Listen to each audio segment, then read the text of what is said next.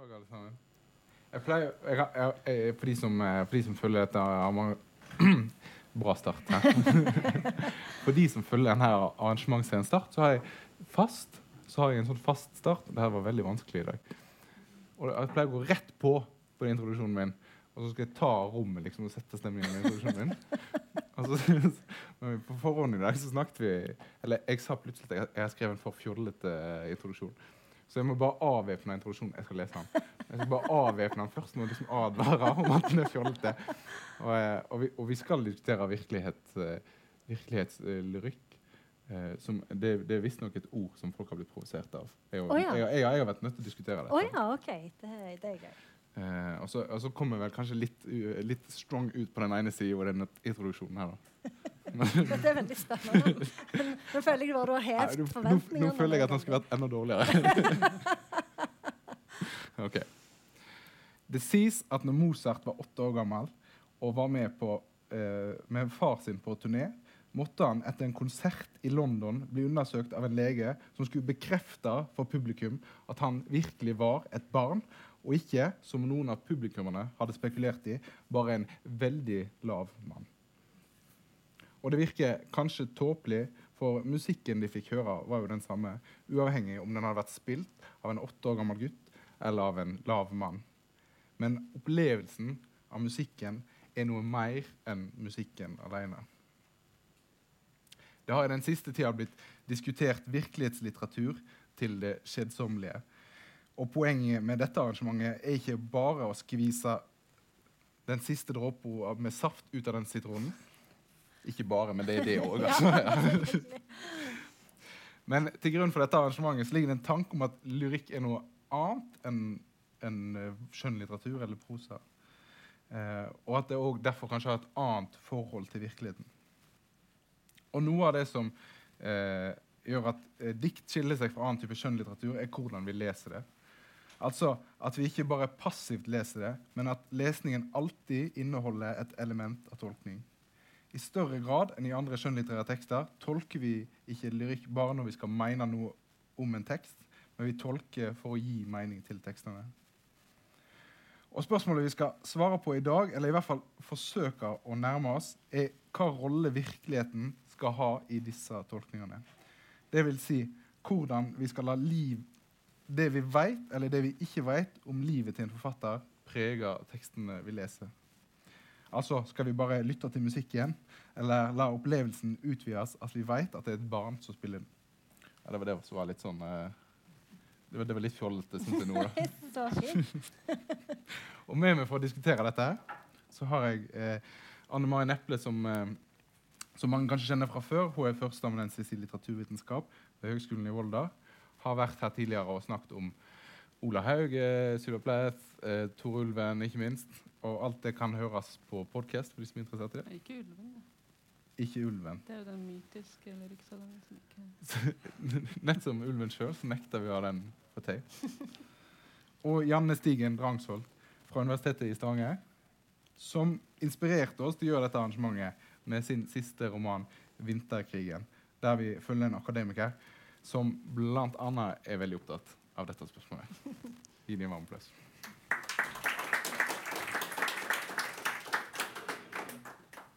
Og kanskje vi skal rett og slett begynne med den siste romanen din, som, eh, som heter 'Vinterkrigen'. Der dette blir tematisert, eller virkelighetslitteratur blir i hvert fall tematisert. Og, og hovedpersonen eh, misliker det begrepet og fenomenet ekstremt. Så, eh, hva som gjorde at du ville skrive om og, eh, Eller liksom ta den debatten inn i Du er jo akademiker, og det må sies hvis jeg ikke sa det i sted. Eh, du er jo litteraturforsker òg, og så er du skjønnlitteratur skjønnlitterær forfatter. Og hva som gjør at du ville ta den diskusjonen inn i romanen? Jeg tenkte, For, for det første så syns jeg det var et veldig sånn gøy grep. fordi at eh, når Jeg skrev, jeg har skrevet tre eh, bøker om den samme romankarakteren Ingrid Winther. og det, den, Fra den første boka så var det veldig sånn eh, at, eh, at jeg spilte litt på dette med at eh, det, det er liksom en del av de tingene som jeg skriver om, er sånn tatt fra virkeligheten. Da, sånn at det er Ingrid Winther og meg deler at eh, begge jobber i akademia, har tre døtre, bor i et rødt hus og har en mann som er advokat. Så det var veldig mye sånn Det ble liksom snakket litt om det eh, når jeg ga ut den første boka sånn, eh, Ikke at det var virkelighetslitteratur, men at liksom, det var en del sånn likheter mellom eh, meg og romankarakteren. Eh, og så var det jo dette her med eh, at den her virkelighetslitteraturdebatten den ble jo liksom mer og mer intens for, for hver bok. Eh, så jeg tenkte at det, at det var gøy å ta det opp da, som et eget tema i, i boka. Eh, 'Vinterkrigen'. Og så var det òg det at jeg sjøl har, har forska på Ted Hughes og, og Sylvia Plath, som kanskje er liksom de verste eh, å eh, forske på i en sånn en kontekst. Og, og alltid når jeg får eh, studenter som har lyst å studere særlig Sylvia Plath, så er det et sånn stort dilemma. da, fordi at på den ene sida kan en jo ikke nekte for at diktene hennes har, ofte har utspring i situasjoner eller ting som faktisk har hendt. Mens på den andre sida er det jo sånn at hvis en leser diktene bare ut fra det premisset, så blir det liksom helt flatt. Eh, og, og ofte så har jeg sittet på veiledning, og så blir det liksom sånn Jo, men dette diktet handler jo om tulipaner. Så liksom Nei, det gjør ikke det. Jo, men det står jo tulipan. men det er et symbol. Så det blir liksom veldig dårlig stemning. Og så kaller gjerne studentene som blir plass for Sylvia i tillegg. Og så blir det veldig, så blir det en sånn en nedadgående spiral, da. Så, så, dette, så jeg hadde lyst til å altså, For det, det er jo liksom én ting eh, med virkelighetslitteratur i romanform. Men, men, for meg så er det mye mer problematisk og mye vanskeligere. Selv om det er vanskelig òg i romanform, synes jeg selvsagt. Men, men i, i, når du liksom drar inn lyrikken, så blir det enda vanskeligere og enda mer prov provoserende. Jeg tror vi, eh, vi, skal komme tilbake til det med det skillet. For det er kanskje det som er egentlig interessant der, mellom eh, roman og, og, lyrikk. Om hvorvidt, hvorvidt det er et skille å forholde seg til. Men eh, kanskje skal en si litt mer om det casen som vi har. Vi, jeg er sikker på de fleste her kjenner Sylvia Plett og Teddy Hughes. Men eh, hvis en skulle tatt en kjapp ettminutters innføring i, i, det biografiske materialet som ligger til grunn for disse eh, feiltolkningene eventuelt Hva ja. ja. Det som er med Ted Hughes og Sylvia Plath, er at de var jo gift. Begge var poeter. De hadde et, sånt, et veldig sånn, sterkt felles poetisk eh, prosjekt. Eh, og så eh, er det jo sånn at Ted Hughes han eh, syns at det, at det gjerne er litt stress å være gift, så han er utro. Eh, og så går han og så hiver Sylvia Plath Ted Hughes ut. Eh, og så syns hun det er kjempefint og kjempefælt å være i London eh, og bo alene sammen med to barn. Og så ender det opp med at hun tar livet av seg. Eh, og så i ettertid så er det veldig mange som tenker at dette egentlig var Ted Hughes sin feil. Eh, og han blir liksom hata av eh, alle som bor i USA, og ganske mange andre. Eh, og, og, og, og, en tolker eh, Plath sine dikt som en slags sånn anklage mot Hughes i stor grad. Eh, og en tolker Hughes sine dikt som en slags eh, altså En leter etter spor av at Ted Hughes har dårlig samvittighet for det han gjorde mot Sylvia Plath. egentlig da. Eh, og det som skjedde i tillegg, var jo at hun som han ble sammen med mens han var sammen med Sylvia Plath hun tok jo òg livet av seg. Eh, og tok livet av deres felles barn. Så det er jo en helt sånn umulig historie egentlig å forholde seg til. Men finner en, finner en spor hvis en leter? Eh, av at han har dårlig samvittighet? Ja, ja, ja en gjør jo det. Absolutt. Men, men det er det som er så vanskelig. for at Når jeg gikk inn i, i Hughes-forskningen, så var jeg For at mitt prosjekt liksom gikk på at Hughes' forskning er en, um, sånn en kritikk av eh, liksom opplysningstida sin tenkning og måten den har påvirka oss på og fått oss til å på en måte opphøye fornuften og eh, fornekte liksom, fortellingen og myten og irrasjonalitetens plass i vår kropp og sjel. da. Så det er det, som, det, er det, som, det er det som er hans på en måte store eh, poetiske prosjekt. Eh, men, men, eh, eh, men, så kom han jo ut med denne 'Birthday Letters' i 1998, som er, som, som er en bok som handler om hans forhold til Sylvia Plath. Og da ble det på en måte greit, etter at han ga ut den eh, diktsamlingen, så ble det på en måte greit å lete enda mer etter spor av Sylvia Plath i, i diktene hans. Eh, selv om han på en måte sjøl hadde jobba mot det hele tida. Det skaper jo en sånn en konflikt i diktene hans. For på den ene så kan du ikke nekte for at det er eh, biografiske spor, og, og, ofte ganske tydelige biografiske spor i diktningen hans. Men på den andre sida har du jo dette poetiske prosjektet som er mye mer komplisert. Eh, og som blir veldig sånn forflata hvis han bare sier at eh, her ser vi i denne linja at han har dårlig samvittighet for det han gjorde mot Sylvia Plath. Men, men, men, på hvilken måte er det at det uh, sporer av lesningen av Ted Hughes og Sylvia Plath? At den driver lett? Er, er, er, det ikke sånn at en finner dårlig samvittighet, og så kan en kan en jo tolke videre. En trenger ikke å stoppe ved at en fant en dårlig samvittighet, Nei. eller en fant en tulipan, eller en fant en Absolutt ikke. Det som er, sånn så, eh, eh, er for eksempel, Nå nylig så ble det publisert en sånn en, eh, antologi med tekster om Ted Hughes. og der er det jo sånn at det, det er en artikkel som handler om Ted Hughes and trauma. Og da tolker liksom, da tar han utgangspunkt i noe han skrev i et brev, hvor han skriver at det, jeg prøver å sette ord på dette her med forferdelige traumet. Eh, og prøver å finne et språk som jeg kan bruke for å si det.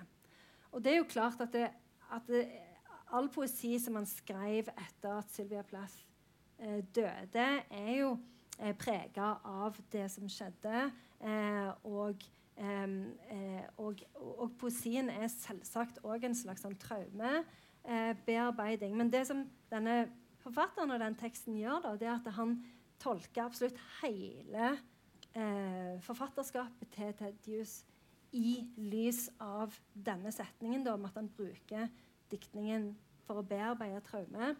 Så det blir nesten litt sånn latterlig, da. For det blir liksom sånn at det, det er jo sånn som Når du skriver en biografi, for eksempel, så skal du lage én fortelling om en person sitt liv. Og det er jo det som blir på en måte eh, Det er det han gjør, han som skriver om traume. Fordi han lager en, altså alle, eh, alle diktene blir svar på det samme spørsmålet. Og da mister du jo kompleksiteten. Og sånn som Ted Hughes hvis du kunne tatt utgangspunkt i et annet sitat, hvor han sier f.eks. at eh, jeg tar alltid utgangspunkt i mitt eget liv når jeg skriver diktene. Men så ender jeg jo opp med å skrive en sånn en tekst med mange forskjellige lag, hvor jeg på en måte har satt meg ut til å skrive et dikt som handler om, om, en følelse eller et minne. Og så kom jeg på Shakespeare, og så kom jeg på Orestes, og så kom jeg på en fisketur, og så skjer det tusen andre forskjellige ting som jeg ikke har kontroll på, men som òg på en måte kommer inn i det diktet. Eh, og det er jo derfor dikt er så, så mektig som det er. da, fordi at det på en måte er i, Sånn som jeg tenker på dikt, så, så fanger jo det dette her indre livet på en måte som, som ikke på en måte lar seg oppsummere i én setning, eller som, som, ikke kan, som en ikke kan tolke i én retning. da. Så det, så det, er jo det som er det problematiske her, tenker jeg. Men, hvor, hvor, hvor overskyggende er egentlig det eh, i forskningen? Altså Når du blir først introdusert til Tetjus og Silverplett, er det liksom, er vi hver med en gang at uh, biografien er det som, skal, som skal styre lesningen? som skal styre? Ja, faktisk. Jeg, jeg tok en engelsk grunnfag her i Bergen. Og da var det jo sånn at eh, når vi hadde dikt, så gikk vi ikke alltid gjennom de på forelesning, for det var så mange. så da gikk vi gjennom de i grupper. Og da husker jeg at hun som vi hadde, som var leder for den gruppa, hun sa nå skal vi snakke om, om Ted Hughes. Og han hadde ei kone som var skikkelig galen. Og så kom liksom hele denne historien da, om Sylvia Plath før vi i det hele tatt hadde åpna boka og begynt å se på diktet. da. Eh, og det var jo et sånn et dikt fra Crow, eh, som jo denne her traumeforskeren ville sagt er en diktsamling som bare handler om Sylvia Plath, men som for alle andre er en uh, langt mer kompleks eh, samling enn det. da. Så da leste vi Crow etterpå. Det var jo ingen som klarte å konsentrere seg om diktet, for alle tenkte jo på hun som hadde gassa seg i den leiligheten i London. Så det er liksom så det er jo um, det, denne sensasjonalismen det er et ord som, som, som, som, svirrer rundt Ted Hughes. da. Den er så intens at, at en nesten bare må, må, legge det fra seg hvis en skal på en måte få noe ut av diktene hans som ikke handler om eh, utroskap eller ja, død. Da. Men er det, er, det, er det, noe som er spesielt med Eh, Ted Hughes og Sylvia Plath? Eller, eller, er det eh, altså driven med biografisk listing av andre forfatterskap i problematisk grad? Hvordan opplevde du det? Anne Marie? Så du kan si at Hughes og Plath er nok et veldig sterkt eksempel på poeter som folk syns de kjenner eh, godt. eh, fordi det skriver veldig mye om dem. Det skriver veldig mye sånn tilsynelatende veldig tett eh, um, tette tekster som utleverer hvordan de var, hvordan de hadde det, hvordan de hadde det på en måte, både når de var alene og de var sammen. sånn at um, det, det kan sammenlignes med egentlig sånn, sånn støy, sånn som man hører dette her. Um, um, sånn, sånn at man har, man har så mye forforståelse som på en måte påvirker uh, før man i det hele tatt åpner en bok. Eh, og som gjorde at jeg egentlig ikke leste verken Hughes eller Platt på mange år etter at jeg hadde hørt denne historien, fæle ekteskapshistorien de hadde. Eh, så jeg begynte å lese dem, så var jeg veldig overraska over hvor liksom, rik poesien deres var. da.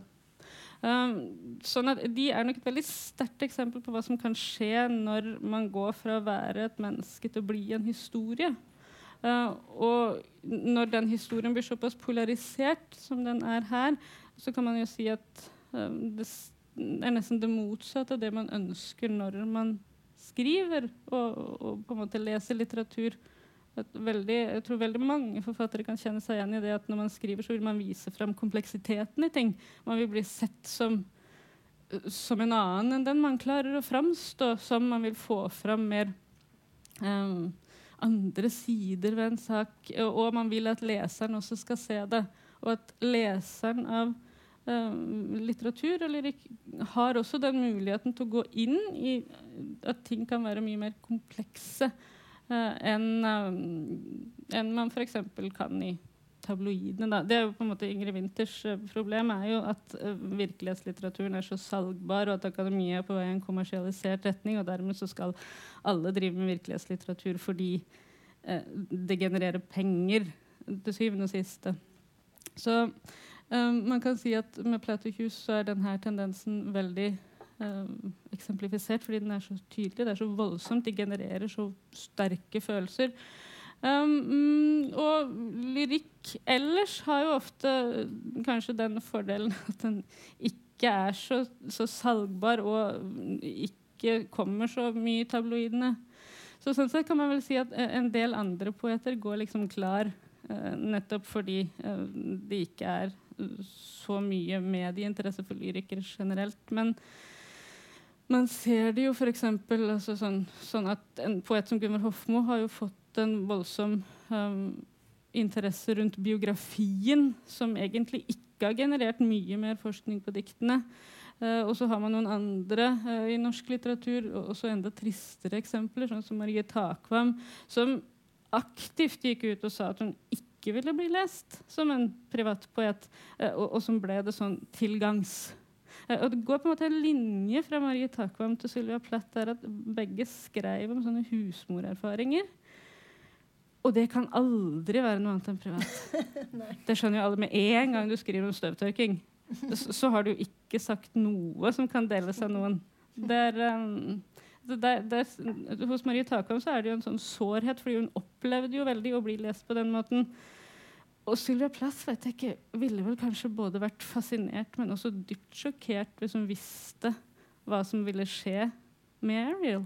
Mm, ja, jeg er enig. Og så er det jo liksom det der med For Sylvia Plass veldig tidlig så ble jo hun satt inn i den der kategorien av confessional poets. Og der var det jo på en måte fastlåst eh, eller vedtatt at liksom de skrev om seg sjøl og, og sine liv. For der fant en jo òg sånn Robert Lowell og eh, Anne Sexton f.eks.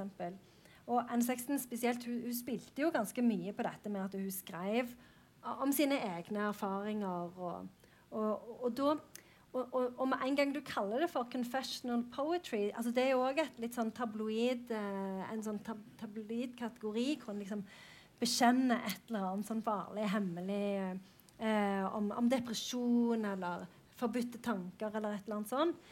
Eh, og siden Sylvia Plath nesten fra begynnelsen av ble satt inn i den kategorien, da, så, så ble det jo sånn at det var greit da, å, å lese hun eh, som, som noe som hadde sitt, sitt utspring i virkeligheten, og som i stor grad beskrev virkeligheten. fordi hvis du liksom beskriver støvsuging i et dikt, så må du jo ha opplevd det sjøl. Støvsuger. Så, Jeg har i hvert fall veldig lyst til å lese et dikt om støvsugeren, men så har opplevd, opplevd det. men, men, det, men det virker jo eh, er ikke, er ikke litt sånn eh, akademisk flisespikkeri. Altså, jeg må jo eh, eh, defin, Jeg har definitivt opptatt av Sylvia Plett, både som i tekst og, og person.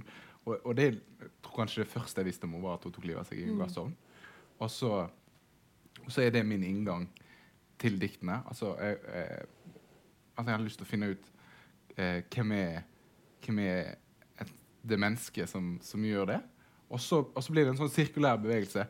En, eh, at en eh, at en blir fascinert av verket, og så får en lyst til å vite eh, hva, hva, mer enn selvmordet på en måte, ok, jeg vil, jeg Først leser en kanskje for å se veien til selvmordet, og så leser en kanskje for å se hvem er det som kan skrive denne type dikt. og så eh, en, Jeg har en veldig aktiv Og det er ikke alltid jeg er stolt av det, her, men jeg, er veldig, altså, jeg søker ofte informasjon om forfattere jeg leser, bare for å forstå hvem de er. Men, eh, og jeg har jo ikke noe dårlig samvittighet for det. Altså, jeg, jeg synes, jeg, men jeg er en dårlig leser. Det er ja, du er en kjempedårlig leser. Men jeg skjønner liksom ikke hvor det store, hvor det store problemet er. Hvor, hvor, når, når, hvorfor skal en eh, og nå har ikke dere, dere, dere, har ikke sagt det er problematisk nok her, men det fins jo i hvert fall et mantra som altså, eh, Forfatteren er død, teksten alene. Sånn. Hva er det store problemet med å, sånn som dere ser det, hva er det store problemet med, med, med å, å Eh, og nå nærmer vi oss for å skille mellom roman og lyrikk her, skjønner jeg. Skjønner at det kommer. Og det er noe med at verket er, mer, er alltid noe mer enn de linjene som er der. Men hva er, hva er det problematiske, hvis vi tar det spørsmålet først? Ja, Det er jo interessant, fordi når jeg hører deg eh, forklare hvordan du pleier å lese bestemte poeter, så tenker jeg at det kan høres ut som om det du egentlig gjør, er å prøve å beherske døden. Um, det, det, er det jeg alltid gjør. ja. Um, og, og det, gjør jo, det, gjør vi jo, alle sammen, men nettopp at sånn um, Poeter som tar livet av seg, blir jo straffa for det i all framtid. Altså fordi om du, tar, om du, er poet og tar livet av deg, så kan du aldri ha skrevet noe livskraftig som på en måte kan stå seg etterpå. Det det syns jeg er veldig interessant. da. Uh, så mens poeter som f.eks. prøver å ta livet av seg, men ikke klarer det, de, de går fri. så Gunvor Hofmo prøvde jo å ta livet av seg, og, og, klarte det ikke. Og hvis hun hadde gjort det, så hadde man lest de første diktsamlingene hennes på en helt annen måte, men det er jo de samme bøkene. Uh, sånn at Det er litt interessant at man prøver ofte å, å, å, oppsummere selvmorderens liv på en måte som var, gjør det klart at dette her skulle alltid ende i tragedie. Og sånn er jo ikke livet. Uh, fordi, fordi, livet er jo nettopp ikke noe sånn rett linje mot, uh, mot det som ender opp med å bli slutten.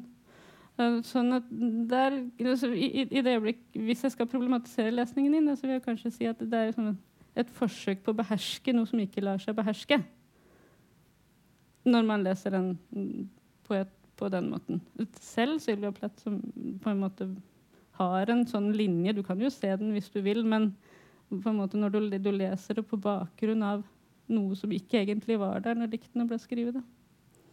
Sånn. Mm, jeg er enig. Og så er, det, jo òg det der med at det kan være fine ting med å finne ut ting om, om biografien. At det kan, eh, at det kan um, berike lesningen, da. For eksempel eh, der er jo eh, Ted Hughes har noen sånn veldig fine eh, naturdikt, og hvis en vet liksom eh, hvordan det så ut i det området i Yorkshire hvor han vokste opp, så, så, så, kan det på en måte berike den lesningen av de diktene, fordi en, en skjønner liksom hvordan det så ut, og så, og så, kan en på en måte um, ja, uh, for, forstå litt mer av, av, av, av, Altså en kan dra noen sånne fine assosiasjoner, da. Men det er liksom det, med, det som er, er, farlig, da, er jo hvis For, for jeg syns i hvert fall for min egen del at når jeg leser særlig Sylvia Plath, så syns jeg eh, at det, Sånn som du sa, at det, eh, du ikke hadde lest noe om biografien deres. Og, og det unngikk jeg òg veldig, veldig lenge. Um, eh, fordi, fordi, at det, jeg syns den historien var så Den, var så, den, er, den, er, så, de liksom, den er så spektakulær at det har eh, veldig sånn det, skal, det overskygger det så veldig. Eh, og, og det synes jeg litt Nå går vi over i romanen, men jeg syns òg litt det eh, når jeg leste eh, Min kamp, da før det hadde liksom begynt å bli skrevet så enormt med Det er noe om den. det er noe som krysser på et sånt bingo. Ja, det var ikke Hitler, da. Men det var Knausgård. men, eh, eh, men, men da var det sånn at jeg, jeg- den, den jeg sa så enormt mye. Jeg følte liksom at jeg leste så veldig om meg sjøl, altså jeg kunne relatere meg så veldig mye til, til teksten. Eh, men med en gang jeg begynte å lese liksom, eh, intervju med, med Knausgård med kona med liksom, den ene onkel Kjartan og liksom, den ene og den andre, så, så ble teksten så veldig innsnevra, og den ble så låst og den ble så styrt. Og det syns jeg òg det, det er det samme med, med diktene. da. Og det som er problemet, da, det er jo at det, sånn som Ted Hughes sa alltid, at det, eh, dikt er sjelen sin fortelling. Og da blir det enda eh, mer problematisk hvis diktet skal forflates og liksom legges i et sånn én-til-én-forhold med virkeligheten, som det jo ofte blir gjort fremdeles når folk skriver bøker om, om, om Sylvia Plath sin diktning spesielt. Så er det liksom Hun var birektor, her er det et dikt om birekting. Eh, og, og da er det jo ikke interessant eh, lenger. Og, og fra det øyeblikket du har den historien, så blir diktet litt mer låst enn det var tidligere. Men er det det som er, eh, Hvis vi skal ta det, hva er den for stor forskjell på å skrive eh, Altså, Virkelighetslitteraturbegrepet sånn som det blir brukt om romaner, gir, gir jo egentlig ikke mening eh, eh, i dikt, fordi at den ikke har den type narrativ og fortellinger om rom og personer og sånn. Eh, eh, som regel, i hvert fall ikke. Men, men eh, eh, hvis en skal liksom på et, et, et djupere sjangernivå, da, hva er, hva er den forskjellen med, mellom roman og dikt i forhold til dette? Er det, er det dette én-til-én-lesningen som er den store forskjellen, eller hva tenker dere? Altså, Var det et spørsmål? Det var et slags spørsmål. Ja, det, altså, diktet har jo en veldig enhet. Altså, en av de grunnleggende kjennetegnene på lyrikk er jo denne enheten mellom den talende og det talte. Altså, diktet har et veldig, ofte et veldig sterkt jeg, eh, som mm, på en måte eh, man kan tenke er poeten. Eh, og, og som man av og til prøver altså Man prøver av og til å si sånn, du må huske at det er poeten, og ikke den biografiske forfatteren.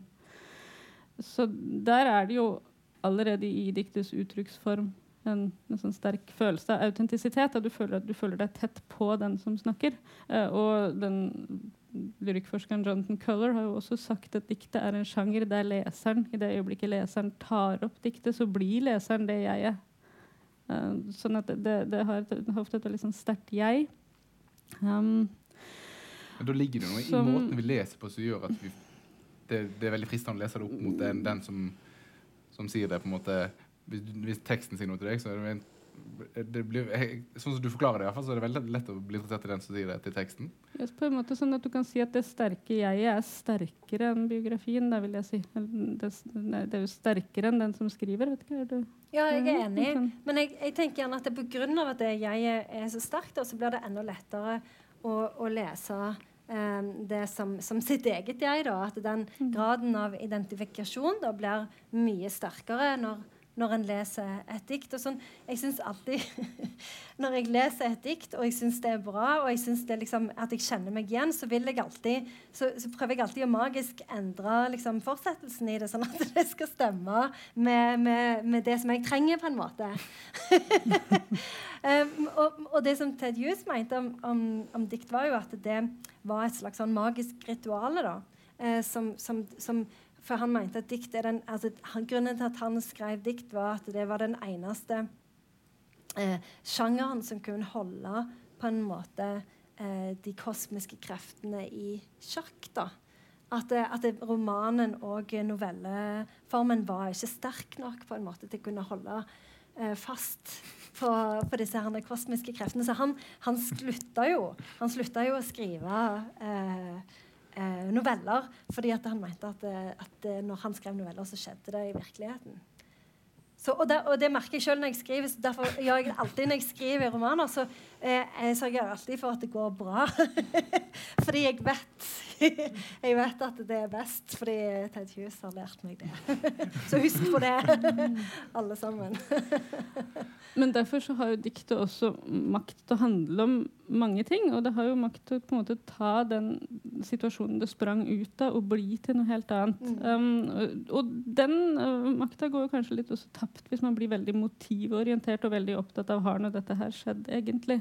Altså, Tove Ditlevsen um, er jo et et fint eksempel på det når hun beskriver hvordan hun skriver et av sine første gode dikt. Hun uh, snakker om at hun møter altså Det er krig. Så møter hun en ung mann som skal ut i krigen, og, og hun veit at han antagelig kommer til å dø. Og så danser de sammen, og så er det, er veldig sånn sterkt møte. Og så går hun hjem og så skriver hun et dikt som heter 'Til mitt døde barn'. Og så sier hun at det diktet handler ikke egentlig om han, men det handler om han òg, fordi det, ikke, det, diktet ville ikke vært der hvis, øh, hvis de ikke hadde møtt hverandre. Og på en måte så er det jo sånn igjen, det er jo døden som har vært i rommet, og som fanges inn i det diktet. Og så kommer det her diktet ut, da, og så skriver jo alle om hvordan hun her Tove Ditlevsen skriver om sitt døde barn. Mm. Og da blir det et slags sånn problem at egentlig så er det jo ikke noe dødt barn Det er fordi her diktet springer ut av en annen historie. Og det viser jo på en måte hvordan altså Dette her er et dikt som kan gi veldig, ha, ha veldig sånn stor kraft i forhold til å formidle en opplevelse med døden som da blir litt sånn forpurra hvis man begynner å snakke om sånn Har Tove Ditlevsen egentlig hatt et dødt barn? Men, um, der, der, tenker jeg at Noe, noe, av diktets slagkraft er jo at det formidler ofte grunnfølelser, sterke følelser av f.eks. skyld, smerte, tragedie, død, som, som på en måte kan være veldig autentiske følelser, men som motivisk sett kan bli noe annet i diktet. Og det må lesinga på en måte helst ta vare på. da. Sånn, I det øyeblikket man begynner å faktasjekke eh, skrekk og gru, man faktasjekker dikten, men, men kan, sånn kan man jo ende opp. Men, men, i det øyeblikket man begynner med det, da har man liksom beveget seg litt uh, ut det, i grøfta. Men, men, det fins jo òg diktsamlinger som, som eh, henter veldig mye av sin potens fra å være eh, knytta til virkeligheten på et eller annet vis. Eh, eksempel i, i vår her på Lyriksloggen så snakket vi om eh, Rombaud sin 'Noe svart', som, eh, som, er en sånn sorgtekst etter, etter kona hans døde. Eh, og, og, jeg tror jo at Eller her, kanskje dette er påstanden, og jeg vet, de vet, jeg, jeg vet veldig lite om han og vet veldig lite om kona hans, men jeg vet at den boka er et sorgarbeid. Og jeg, jeg, jeg, tror den eh, den informasjonen gjør noe med hvordan en leser den teksten. Hvis den teksten hadde vært ord for ord den samme, men han var skrevet av en lykkelig gift eh, svensk bonde, eller noe sånt, så hadde det vært liksom en fullstendig annen eh, bok. da. Mm. Det fins en kobling mellom virkeligheten og, og, diktet som ikke er bare sånn Å nei, vi, vi, vi dytter, her dytter vi virkeligheten på diktet. Mm. Mm. Og, jeg, og jeg, jeg håper Dere må gjerne hoppe inn her nå, altså, hvis ikke så bare babler vi videre. Ja, For det at vi ser jo òg, eh, kanskje spesielt i USA, eh, at virkeligheten, eller biografi, blir eh, mer og mer det mest sentrale elementet i diktene. Eh, der det, altså på den måten at eh, det, det, det, er minoriteter av ulike slag, seksuelle minoriteter eller etniske, eller hva som helst, eh, som bruker eh, diktformen og sitt eget jeg til å uttrykke sin historie på en måte som, som er helt avhengig av at diktet er knytta til deres virkelighet da er, det, for da er dere enige at det er absurd hvis jeg skulle skrevet eh, fra en, en fransk minoritets eh, på en måte, mens jeg satt i Norge og skrev den. Selv om, selv om ordene hadde vært nøyaktig de samme. altså Hvis en ser for seg den tenkte situasjonen at en skriver nøyaktig den boka som hadde vært Yahya Hassans eh, debut da. Hvis jeg hadde skrevet den boka ord for ord den samme, det hadde ikke vært det samme verket. Hvorfor ikke det? Nei, jeg, jeg, vet ikke hvorfor ikke det. Men, uh, men jeg, jeg, jeg, er helt enig. og det er jo liksom, det er jo også, Et annet eksempel er jo historisk kontekst. For det er sånn så for eksempel, Hvis du ser på Ted Hughes sine første diktsamlinger som kom ut på 50-tallet, de kom jo ut i en sånn en historisk periode hvor, hvor en på en måte brukte eh, rasjonalitet og, og, og, og, fornuft som et slags sånn anker for å i det hele tatt kunne fortsette med eh, et sånn sivilisasjonsprosjekt etter eh, andre verdenskrig. Og Ted Hughes var jo veldig sånn opptatt av at eh, han ville på en måte eh, opprette en sånn dialog med, med, de andre kreftene, de ville kosmiske kreftene. da. Eh, og, og, det var jo på en måte et prosjekt som sto imot alt det eh, som, som, den etablerte lyrikken i England på den tida eh, sto for, sånn som Philip Larkin, eh, f.eks. Eh, så, og, det er jo altså Bevissthet om dette er jo òg et viktig eh, redskap i å forstå eh, poesien hans. Eh, og, og, og, på en måte skjønne hva det er, hva, hvor han kommer ut fra, og hva, eh, og, hva som på en måte ligger som premiss da, eh, for disse diktsamlingene. Eh, og det er klart at det, eh, Hvis de hadde kommet ut i dag, eh, så hadde jo det, konteksten i dag òg vært viktig for å liksom, forstå. så det er jo mange ting som en kan med fordel ha kjennskap til. det, Og det er jo klart at det, som du sier også, det betyr jo mye om det er Altså, eller det vet jeg jo ikke, men det er jo òg en sånn litteraturvitenskapelig diskusjon om liksom, hvis forfatteren hevder at jeg satt i en fangeleir i Tyskland i, under andre verdenskrig, og jeg har skrevet denne boka, og hvis det viser seg å være en løgn, så, så er, påvirker jo det på en måte. Altså det, det, påvirker jo lesningen av boka, for da går det jo fra å være en slags biografisk fortelling til å være noe som noen har funnet på. Og som leser så vil du ta imot de to fortellingene forskjellig. Ja. Uh, sånn at vi er jo ikke imot uh, virkelighet eller forfattere. Nei, vi elsker virkelighet. ja. virkelighet er to dommer. men, men, det virker litt uklart når men, virkeligheten ja. skal men problemet for Ingrid Winther for eksempel, er jo at man kommer aldri inn i de diskusjonene engang. Fordi uh, Sylvia Plaths dikt handler bare om Sylvia og Ted. Da, det, det, er på en måte en mellomting der. Mellom på en måte å si sånn Nei, vi vil ikke ha noen referanser, egentlig. Vi vil egentlig ikke vite hva tulipan betyr. ja, ja. Fordi det forstyrrer Tulipan kan bety så mye. Ja, det forstyrrer ja. assosiasjonene våre. Altså det, det, er klart det, Ikke snakk da som tulipan. ja. Uh, men i hvert fall at man, man, man, vil ikke ha den der diktet renska for enhver assosiasjon, men man vil heller ikke ha den her veldig jump to conclusions. Altså der, du bør ikke ha den i møte med å lese dikt. Og den, altså virkelighetslitteraturen, debatten havner ofte der. Altså Man slutter å diskutere kompleksitet og begynner bare å snakke om sånn Burde du utlevert kona di? Mm. Eller mannen din. På den måten. Ja, eller, ja. eller tulipanen. Um, men fordi det, jeg, merker, jeg, jeg, merker, det med, Hvis jeg leser poeter jeg kjenner, da, um, og, og, og, de skriver om at de var i Stockholm og hadde en rød håndveske da, og, jeg veit at de hadde en rød håndveske i Stockholm, da, da, da gjør jeg det sjøl òg. Altså jeg, jeg tenker ikke på hva den håndveska gjør der, for jeg tenker for mye på sjølve håndveska. Og, og nå har jeg fiksjonalisert det her eksempelet, så jeg snakker egentlig om, om noe annet, men sånn um, Føler veldig dette handler om meg når du ser sånn. Nei, jeg bare, jeg bare sier at den her Jeg har ingen rød håndveske, det vet jeg. Eh, den, den her kjappheten uh, i, i, å dra uh, assosiasjoner uh, er, bør man være på vakt for når man leser dikt. Mm. Fordi dikt er på en måte sårbart for den kjappheten. Diktet vil Nå snakker jeg veldig om diktet som det er en person, men dikt vil gjerne ha en sånn langsom lesning, og, og, fortjener ofte det. Fordi det ligger mye i de her mellomrommene og, og, og i det hvite arket som krever kompleksitet. Um.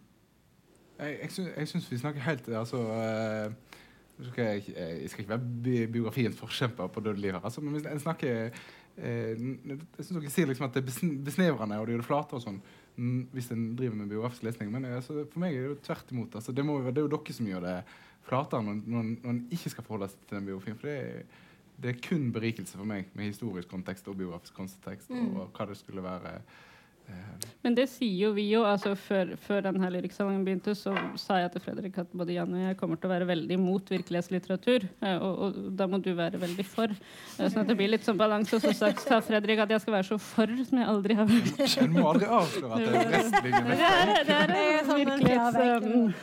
Um, nei, men, men, det er på en måte sånn fordi Det er jo ikke egentlig det Jeg føler jo ikke at det er det vi sier. Jeg føler jo at vi sier sånn ja til biografi og virkelighet, men ikke bare det.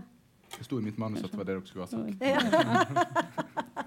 men, eh, men, det er jo veldig altså, Det er det som er så vanskelig, syns jeg. fordi at det er uh, Særlig med Sylvia Plath. da, uh, fordi at jeg, jeg klarer liksom ikke helt å og, og, formulere hva det er jeg er imot, på en måte. Mm. Um, men jeg er imot forflatning av uh, forståelse av diktene. da, Eller forflata forståelse av diktene. Men, men, det er det som er så vanskelig. sånn som Hvis det kommer en student da, som, som vil skrive om Silje Plath, og så da, kan ikke jeg være sånn Ja, men du må aldri lese noe om biografien hennes.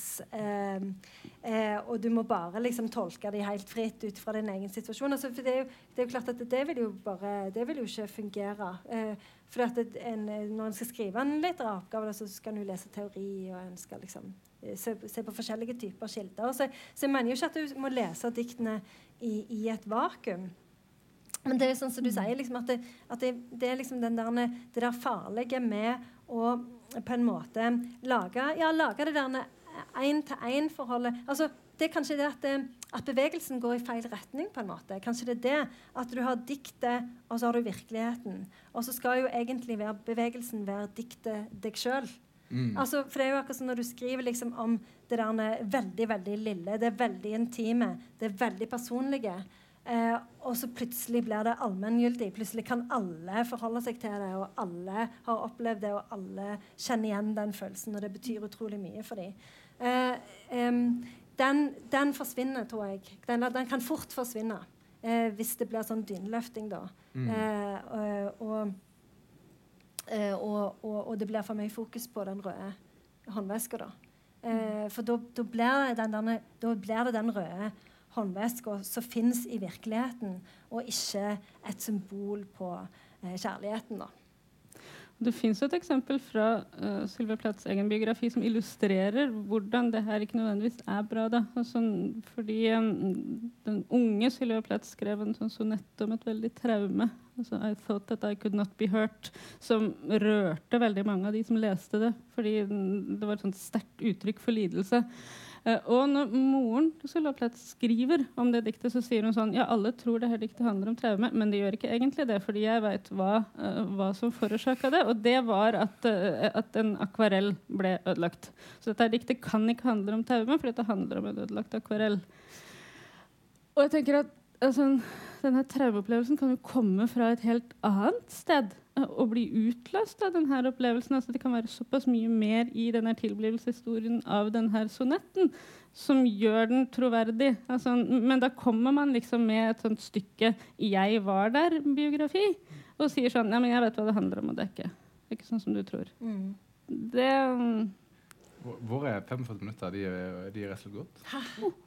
Fett. Eh, men det var, er det noen som har gått en, en god læresetning å slutte på? Nei, det var tøft å spørre. Nei, la, la det, la det dirrende eh, Da virkeligheten vant? Ja. Nei, men, men, la i hvert fall det, her biografiske, la det biografiske eksempelet være en advarsel mot å lese dikt for biografisk. Ja. ja. Og så, uh, for Guds skyld Vi trenger ikke liksom ta hele denne virkelighetslitteraturen sånn som den eksisterer i romanen, og begynne å, det skulle vi snakke om. det stod på planen, vi skulle snakke om disse, Jan Erik Vold for eksempel, er jo veldig kjent, han bruker sitt eget telefonnummer mm. navn på vennene mm. sine. Eh, Men vi trenger ikke hele den diskusjonen på nytt om onklene til Karl Ove. og at dette, nei, nei.